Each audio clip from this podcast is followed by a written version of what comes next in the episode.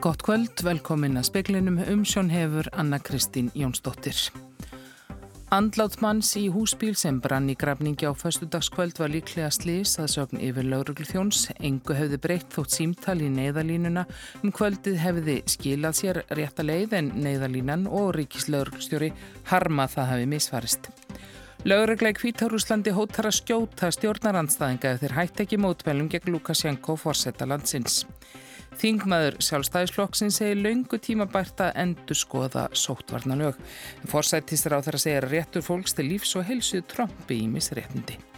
Í síðustu viku var Breitland í fjóruða sæti á lista sem engin vil vera á, heimslistanum yfir mesta útbreyðslu COVID-19 verunar og nú verða aðgerðir hertar þar í landi. Vafasamir viðskiptahættir Norður Kóriumanna eru afhjúpaðir í nýjum dönskum þætti sem var kjöru mikla aðtikli. Ríkis lauruglustjóri og neyðalínan harma mjög að símtal þar sem tilkynnt var um eld við torfastaði í grafningi af ekki skila sér í útkalli slökkulis og lauruglusvæðinu. Þetta kemur fram í yfirlýsingu þeirra. Svo verðist sem galla í tölvukerfi neyðalínuna sé um að kenna. Lauruglan á Suðurlandi segir líklegast að brunnin hafi verið slís. Lögreglu var tilkynnt um brunnin bíl í grafningi á hádegi á laugardag og í honum reyndust líkamsleifar manns á færtugsaldri. Í gerðkvöld kom í ljós að seint á föstudagskvöld, hálfum sólarhinga áður en bílinn fannst, hafði vittni ringt í neyðarlínuna og sagt frá eldi. Símtalið skilaði sér aldrei til fjarskiptamiðstofar lögreglu og neyðarlínan og ríkislaureglustjóri hafa í allan dag reynd að komast að í hvers vegna. Tómas Gíslason, aðstóðar fórstjóri neyðarlínunar, sagði við fréttastofu fyrir í dag að sökin verðist líka í tölvukerfinuðar sem skilji ekki eftir ummerki um ósvöruð símtölu ef álægiður of mikið. Úr þessu verði bætt í kvöld eða fyrramálið. Ottur Árnason, yfir lauruglu þjóttn á Suðurlandi, segir ekkert hafa endanlega verið útilokað við rannsóknina á andlátinu. Við byrjum bara á, allum högsanlegum eh, skýringum og, og erum að rannsaka slís eða, eða eitthvað annað og, og, og mjög líklega bara slís. Laurugla telji sig vita hver hinn látni er þótt formleg kennsla við ekki verið borin á hann. Hann hafi búið í húsbílnum viðsvegar um Suður og Suðvesturland í mörg ár. Hann muni eftir þremur öðrum málum þar sem fólk ferst þegar kviknar í húsbíl. Og þetta eru alveg skjálfilegi brunni, þetta gerist gríðarlega hratt og, og ef þú ekki kemst út bara á, á fyrstu mínútunni þá áttu enga von. Hann telur út í lokað að hægt hefði verið að bjarga manninum þótt símtalið í neyðarlínuna hefði skilað sér. Í mínum huga þá, þá átti, eða semst þá, þá er út í lokað að þessi maður hafi verið á lífi á þeim tíma sem þau ringja inn. Það, það er bara það, það er bara útilokað og hefði engu breytt um niðurstöðuna. Saði Otur Átnason, Stígur Helgason tók saman. Yfirvöldi Kvítarúslandi hótu í dag að beita skotvopnum gegn stjórnaranstæðingum ef þeir hætti ekki að sapna saman og mótmæla Aleksandr Lukashenko fórsetta. Evropu sambandið samþykti í dag refsiaðgerðir gegn fórsetanum. Fjölmenn mótmæli gegn fórsetanum hafa staðið frá fórsetakostningunum í ágúst sem hann er sagður hafa unnið með 80% um ættkvæða. Fólkið krefst þess að Lukashenko fórseti segja af sér og að kosið verðið að nýju. Margir hafa verið handteknir og þeim mistyrnd. Til þessa hafa óerðalögregla og herrmenn beitt vatnstrýsti í dælum, gumikúlum og högsprengjum gegn stjórnaranstæðingum. Aðstóðar innan ríkisráþara landsins tilkynnti í dag að mótmælinn væri orðin harkalegri en hingað til. Um helgina hefði steinum og flöskum verið kastað í lögreglumennina. Sumir hefði verið vopnaður hnífum. Þeir hefðu hlaðið götuvirki og kveikt í hjólbarðum. Við þessu sagði ráþerann að yrði að bræðast. Lagana verðir fengju útbúnað til að bræðast við óerðum þar á meðal bissur og skottfæri. Utanrikis ráþerar Evrópusambandsins ákvaða á fundi í Luxemburg í dag að grípa til refsi aðgerða gegn Alexander Lukashenko. Áður hafðu þeir tilkynnt um aðgerðir gegn 40 nánum samstarfsmönnum fórsetans sem taldir eru hafa skipulagt kostningasvíkin og fyrirskipað að stjórnaranstæðingar skildu handteknir og pyntaðir. Ásker Tómasson sagði frá. Karlmaður á þrítúsaldri fannst látin í söpnunargámi Rauðakrossins í Vestubæ Kópavoks í morgun, lögregla telur að maðurinn hafi látist af slísförum. Þeirra var spurður um skýslu Páls Reynssonar um sóttvarnalög í óundibúnum fyrirspurnum á alþingi í dag. Sigriður á Andersen, þingmaður sjálfstæðisflokksins, benti á ágalla í lögunum og að skýrslan væri laungu tímabær. Ekki setna vætna, myndi ég nú segja, að lögjafinn tæki til umræðu hér sóttarnar aðgerðir og þær lagaheimildir og fósendur sem að menn hafi verið að beita hinga til. Svona neyðurstaða Páls í gróðum dráttum er tvennskonar. Hún er annars vegar svo að það þurfa að fara fram heildar endurskoðun á sóttarnarlögum en hinn neyðurstaða Páls er svo að sóttarnarlög séu haldin þvílikum ágöllum og þess vegna bendir Páll á það að það þurfi að ráðast í úrbætur á sóttvarnalögunum strax. Það má segja að réttur fólks til lífs og heilsu troppi auðvitað ýmis önnur réttindi. Það er stóra niðurstaðan í þessari greinargerð sem ég get og hef boðist til að fara ítarlega yfir í þinginu því ég hef orðið vör við það að þrátt fyrir að Íslendingar hafi gengið skemur í ýmsum sóttvarnaráðstöfunum en velflest önnur Evrópuríki, skemur þegar horft er til þess hvað hefur verið gert hér. Og nægir þar bara að nefna ríki þar sem sett hefur verið á útgöngubann, börnum hefur verið haldið heima og fleira, þá hefur komið hér upp töluverð umræða þannig að ég vil endilega eiga hana hér og hef búið það fram hvenær sem er þegar þingi kallar. Sagði Katrín Jakobsdóttir áður heyriðist í Sigriði á Andersen. Formaður mannanafnanemndar segir að sé lítist vel á frumvarp dómsmálaráð þegar maður fella nemndina niður. Engir augljósar vankantar sé á því. Hann telur niðurlagningu nemndarinn ekki að mikil áhrif málið snúist um löggjöfina sjálfa.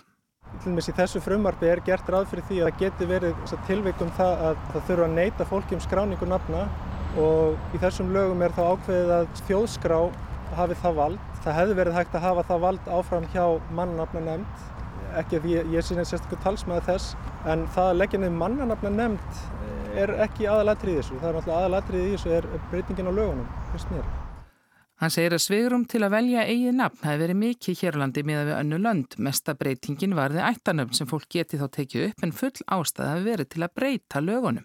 Spurningin er hvort að þetta muni leiða til þess að íslenski kennunafnasiðurinn muni láta undan. Ef það leiði til þess þá það, væri það þetta miður því að, að þetta er ákveðin svona menningar arleið sem er sóma því að reyna að halda við. Segir aðalsteinn Hákonarsson hjá mannafna nefnd en sýsturnar Eidís Rán og Ingi Björg Sætís vilja hins vegar ekki kenna sig við fóreldrar sína heldur búa sér til sitt eigið ættarnafn. Það hafa þeir ekki mátt hinga til og Eidís segir að þeir hafi aldrei ætlað sér að taka upp gamalgróið ættarnafn. En það viljum við það ekki. Við viljum ekkert vera að taka ættarnafn sem einhver annar er með, eitthvað gamal gróið sem stór gömul ætti með. Heldur viljum við bara búa til okkar eigið. Sagði Eidís Rán. Þingmaður sjálfstæðisflokksi segir það hefur verið mikil vonbrið að lesa fréttur um að formaði viðræstnar hafi ferð á svig við tilmæli sótvarna yfirvalda og spila golf í hveragerði. Þingmenn á landsbyðinni leggji mikið á sig til að sinna störfum sínum í breyttu landslægi. Eftir að hertar samkomintakmarkanir á höfuborgarsvæðinu tóku gildið um miðja síðustu viku voru landsmenn kvartir til að vera ekki á ferðinni til og frá höfuborgarsvæðinu nema í nöðsinn. Þessar takmarkanir hafa sett stryk í reikningin fyrir marga landsbyðarbúa sem sækja vinnu á höfuborgarsvæðinu, ekki síst þingmenn. Njál Trösti Fridbertsson, þingmaður sjálfstæðisflokksins, er eitt þeirra. Hann hefur nú verið á Akureyri í rúma viku.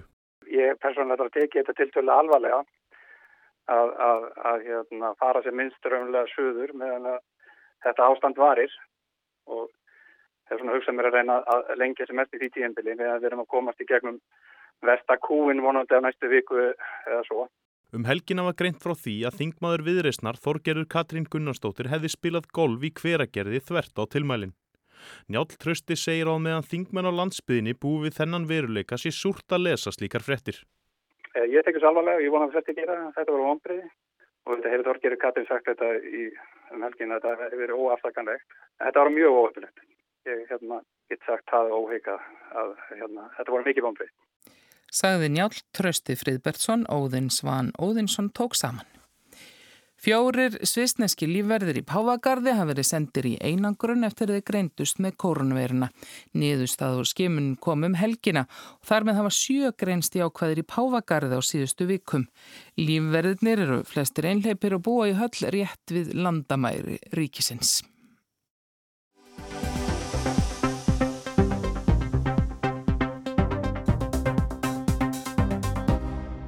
Geimsluvandi íslenskra sapna er víðabísna alvarlegur, helst að ástandið sé þokkalegt á þjóðminnasapninu. Höfuðsöpn hrjáir plássleysi, brunavörnum er ábótafant og hætta á skemdum vegna raka og vassleika eins og framkom í frétta skýringarþættinum kveik í síðustu viku. Í greinargerð vegna fjármála áætlunar ríkisins fyrir árin 2021 til 2025 segir beinlinis að menningar arfur þjóðarna sé í hætt hættu og geti glatast að einhverju leiti ef ekki er tekið á þessum geimslumálu með heildstæðum hætti. Lilja Alfredsdóttir, menningar og mentamálar á þeirra, segir þetta auðvitað umhugsunarefni fyrir menningar þjóð en verið sér að gera margt gott. Og þá vil ég auðvitað nefna að við höfum verið á síðustu árum verið að gera mjög mikið hvað þetta varðar og ég vil bara nefna það til að mynda að núna þá eru við e, búin að auka framlug til safnamála um 19% á síðustu 5 árum þannig að þau nema til að mynda fjö, þetta eru 4,6 miljardar í ár og fara upp í 5,1 á næsta ári. Og svo höfum við auðvitað verið að taka alla þessa geimslu kosti til endurskoðanar eins og fram, fram hefur komið. Og ég vil bara auðvitað líka segja það að, að til að mynda e, þjóðskjálasafnið og þessar húsakosti sem sem það býr við er að mínu mati og ég hef alltaf sagt það að mér finnst að við eigum að gera betur. Við erum auðvitað með eh, alveg einstakann menningarar hér á Íslandi og starfsfólk og fórustu eh, og fórustu fólk og fórstuðum menn okkar sapna hafa gert mjög vel á síðustu árum og ég til að mynda nefni þjóðminnarsafnið sem er komið í viðunandi varðveislu stöðu í varðveislu og rannsóknar miðstöð sapsins við tjarnarvelli. Við erum auðvitað, erum auðvitað að reysa hús íslenskunnar í fyrsta sinn og löngu, löngu, löngu, löngu tímabært. Þannig að það er auðvitað mikið sem við erum að gera og við hefum verið að flytja til að mynda eins og tónlistarsafnið inn í landsbókasafnið og margt sem við erum að gera sem er gott en við getum alltaf gert betur Ekki vill Lilja taka undir það að ástandið í geimslum safnana sé áfelli stómur yfir hvernig staðið hefur verið að þessum málum. Ég myndi segja ekki undanfærin ár vegna þess að við höfum verið að, verulega að, að setja eh, nýja fjármunni og eins og sérð varðandi aðstöðuna í, í Hafnafyrði, hús íslenskunar, við erum að flytja eins og, eins og fram kemur mjög verðmæta upptökur að tónlist og erum að halda utanum þetta. En það sem auðvitað kemur líka þarna fram sem, er, e, sem við þurfum að huga enn betur að það er ef, ef það gerist eitthvað það er að við þurfum að passa upp á að það er ekki nóg að, að við séum að, að geima hlutin heldur að við þurfum að, að huga því að ef ef ítla fyrir að kemur upp bruni eða annars líkt að öll, öll öryggis aðstafa og hún sé upp á tíu og við erum líka að vinni því og eins og ég segi við höfum verið að auka verulega fjármunni og verðum komin yfir 5 miljardar á, uh, á næsta ári og það hefur ekki, það hefur ekki verið svo vel haldið utanum þetta í einhver tíma. En er svona söfnun að stefna einhver skýr og klár og, og verkaskipning á millisamnana? Já, þá er nú mjög ánægilegt að, að greina frá því að, að Minnjastofnun Íslands hefur lokið við draugastemnunni menningararfurinn, stefna um varfiðslu og aðgengi og Minjastofnun ber samkvæmt safnarlögum að gera tillögu til ráþur um heildastefnu og langtíma áallun um verndun og varðveislu menningaminja í samræði við höfusöfn og önnur helst, helstu söfn og stopnanir sem vinna að varðveislu menningaminja. Þannig að það eru auðvitað gott að vera komin með það en svo finnst mér auðvitað líka sko það þarf Uh, auðvitað líka vitundavakningu og það þarf að kynna arfin alltaf stöðut fyrir almenningi og það er besta, það er besta varfislan. En það kemur auðvitað líka fram eins og mann vita að söfn og það sem við sjáum í síningasölunum er bara brótafði í, geimslunar er það sem er áhyggjafnið núna, en er kannski verið að safna of, of miklu?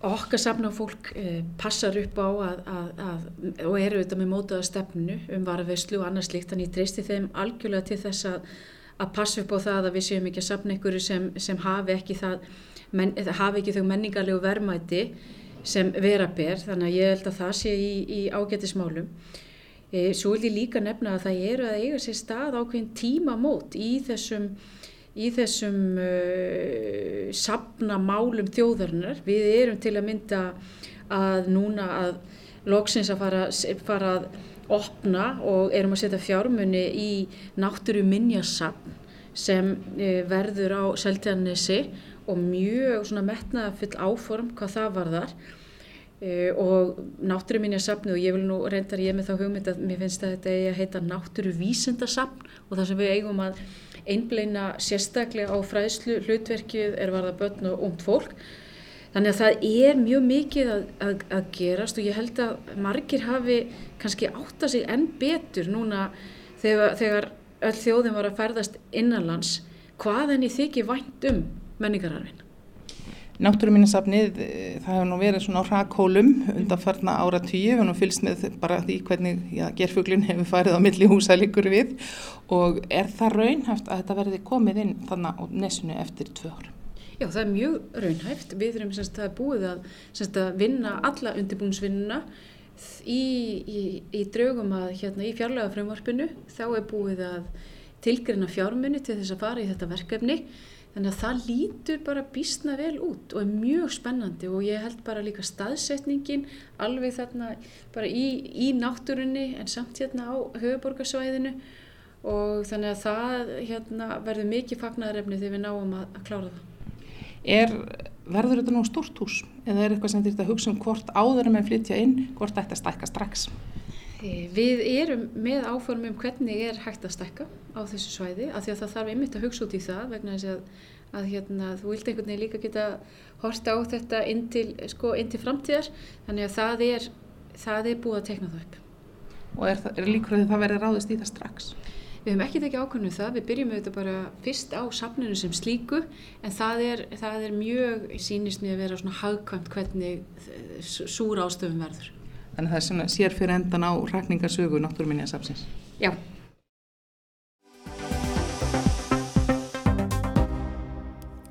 Bretland er ofarlega á einum versta heimslistanum, listanum yfir útbreyslu COVID-19. Í dag kynnti Boris Johnson forsættis ráð þar að breyta hertari aðgerðir og hann ávarpar þjóðina í kvöld. En það er víða urgur og ergelsi því nú eru aðgerðirnar staðbundnar. Ekki eru allir breytar í sama veirubátnum. Baráttan gegn COVID-19 faraldrinum í Breitlandi hefur snúst upp í rimmu millir landsluta rimum að komast í á hörðum staðbundum aðgerðum eða allavega fá þá efnahagsaðstóð. Þetta mátti heyra í þingumræðum í dag þegar Boris Johnson fórsætsráðura kynnti nýjar veiruraðstafanir og meðfylgjandi efnahagsráðstafanir sem eiga að milda áhrifin af mismiklu samkomubanni víðum land. Hér í Breitlandi er gengið út frá að krár séu líklegir smittstæðir veiru aðgerðuríki stjórnarinnar, lokun klukkan 10 á kvöldin og hverki fleiri en 6 í hóp beinast að og bytna á krám og veitingahúsum.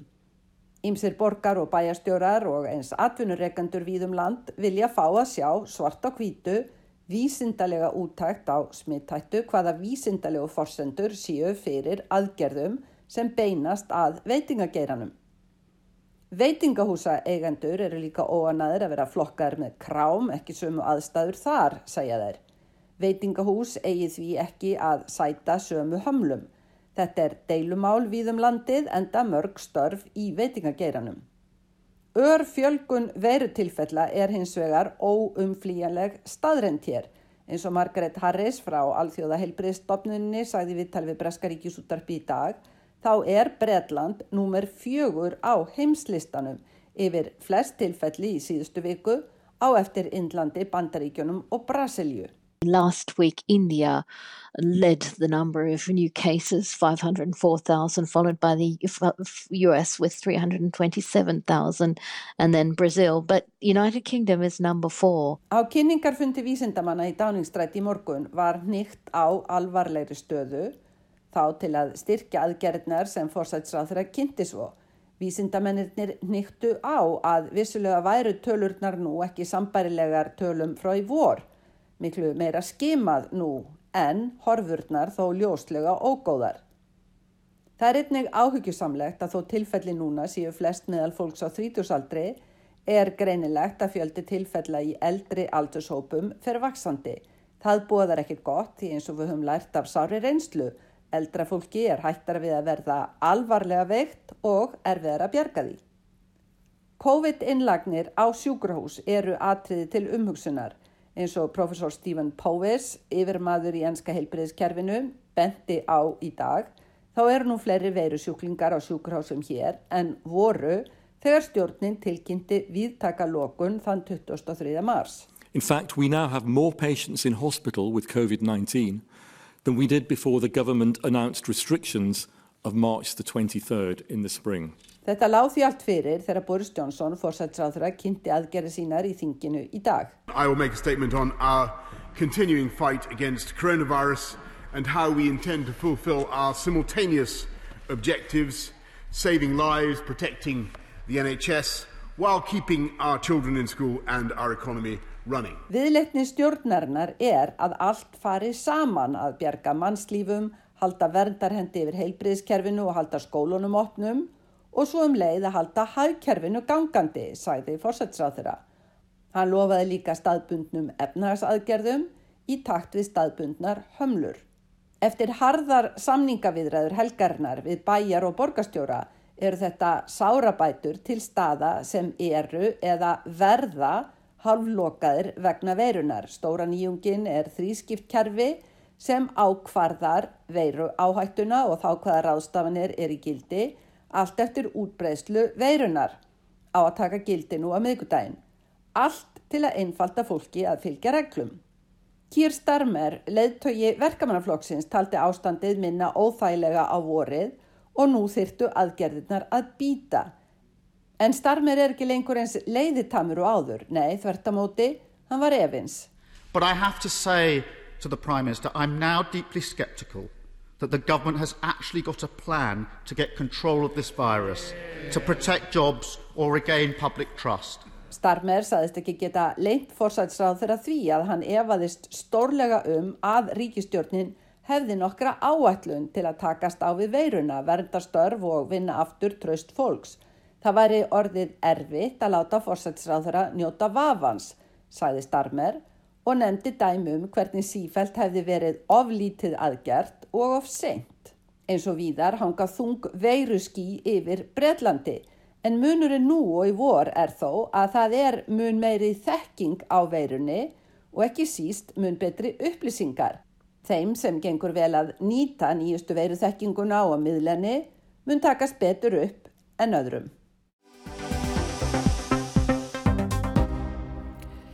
Í dönskum heimildarþætti Moldvörpunni sem síndur var í gerðkvöld samtímis í fjórum löndum kemur fram að ráðamenn í Norður Kóriðu eru tilbúinir að fara á svig við viðskiptabann með ímsum ráðum meðal annars með vopnasölu og framleiðslu eitulifja. Fyrirverandi kokki frá Danmörku tókst að vinna trúnað Norður Kóriðumanna og afhjúpa þetta með falda myndavél innan klæða. Fyrsti þáttur af þreymur var síndur í gerkvöldi í Danmörku, Nóri, Svíðþjóð og Breitlandi og það er óætt að fullir það að hann hafi vaki mikla aftekli. Moldvarpan er Ulrik Larsen, öryrki sem áður starfaði sem kokkur. Hann er á 50 aldri, giftur og tveikja barna fadir. Býr í útjæðari köpmanafnar en hvað fær öryrkja og fyrirverandi kokk til að fara huldu höfði, lifa tvöföldu lífi í tíu ár? Með falda myndavel innan klæð og sitja ótal fundi með einsta kjarnar áhrifamanna í norður góru. Ég veit að sko ekki, ég hef alla tíð verið óskup venjulegu maður, segir Úlrik í vitali við danska ríkisútvarpið. Hann varða hætta sem kokkur eftir að í ljós koma hann þjáist af alvarlegum ólegnandi sjútómi í brískirlinum. Framtíðin var ekkit sérstaklega björnt og hann hafi lítið fyrir stafni. Heimildar þættirnir er Rauða Kapelan sem bladamæðurinn Mats Bryggur gerði um Norðu Kóru og síndir voru í danska ríkisútvarpinu 2006 vöktu aðtegli hans. Hann skráði sér í vináttu samtök Norður Kóru DFK sem starfa í Danmörku. Hann spurði sig hvað fengi Dani til að styðja á dásama Norður Kóru þar sem að mannréttind eru fótum tróðinn. Hann hafði líka samband við Mats Bryggur og spurði hann eh, hvað hann geti nálgast þáttinu og hann leik líka forvitna á að vita hvernig það hefði verið að vera túristi í Norður Kóruum. Mats svaraði um hæl og Ulrik spurði hvort hann hefði áhuga á að kynast í sem framfæri á fundum vináttur samtakana. Ulrik byrjaði að kvikmynda á fundum og saði félugur sínum í samtökunum að tilgangurinn væri að gera kynningarmyndbandum samtökinn. Samstarfið Mats og Ulriks hófst og varð upphafið að tvöföldu lífi Ulriks árum saman. Mats var tilbúin að standa undir kostnaði til dæmis við ferðir Ulriks til Norður Kórium. Hann vann tröst dönsku félaga sinni í vináttursamtökunum og hann vann líka tröst fulltrúa stjórnvalda í Norður Kóruum. Hann var fljótlega líkil maður samtakana, satt fjölmarka fundi víðum heim sem fulltrúi KFA þar sem hann hitti fulltrúa stjórnvalda í Norður Kóruum. Þar var hann yfirleitt með falda myndavel innan klæða. Hann kynntist fljótlega spánverjanum Alejandro K.O.D. Benos, fórsetta og stopnanda vináttuðu samtakana Korean Friendship Organization. Hann eh, segir að eh, samtökinni séu með fulltrúa í 34 löndum. Úlrik kom fljótlega því að spánverinn var í nánum tengslu við stjórnveldi Norður Kóru og starfar í raun sem fulltrúi þeirra víðum heim. Úlrik hitti Alejandro í fyrstu fersinni til Norður Kóru. Hann kom þá fram í einginninsbúningi Norður Kóreska hersins. Samskipti þeirra urðu með áraunum nokkur náinn og Úlrik satt fjölda funda með fósita samtakan á spáni. Þessi kynni leiti til þess að Alejandro sendi Úlrik Larsen tölvupost þar sem hann spurði hvort hann hefði áhuga á fjárfestingaverkefnum. Hann væri með í huga þrjú verkefni Hann sagði að þeir getu gert eitthvað ef Lassin geti útvega fjárfestin sem geti lagt fram 50 miljónir evra. Ulrik hafði samband við Mats Brugger, niðurstan var að ráða mann til að leika hlutverk Mr. James sem átt að líta út sem fjárfestir sem væri til í viðskipti, jafnvel þó að þau væri ekki innan ramma lagana. Í réttan afnið þess sem var fengin í hlutverki er Jim Latrasse Kortrup Fyrir reynsla hans koma góðu nótum. Hann átt að baki afbrótaferil í tengslu við sölu fíknefna, var dæmdur í 13 og háls ás fangilsi og áplánaði átt af þeim.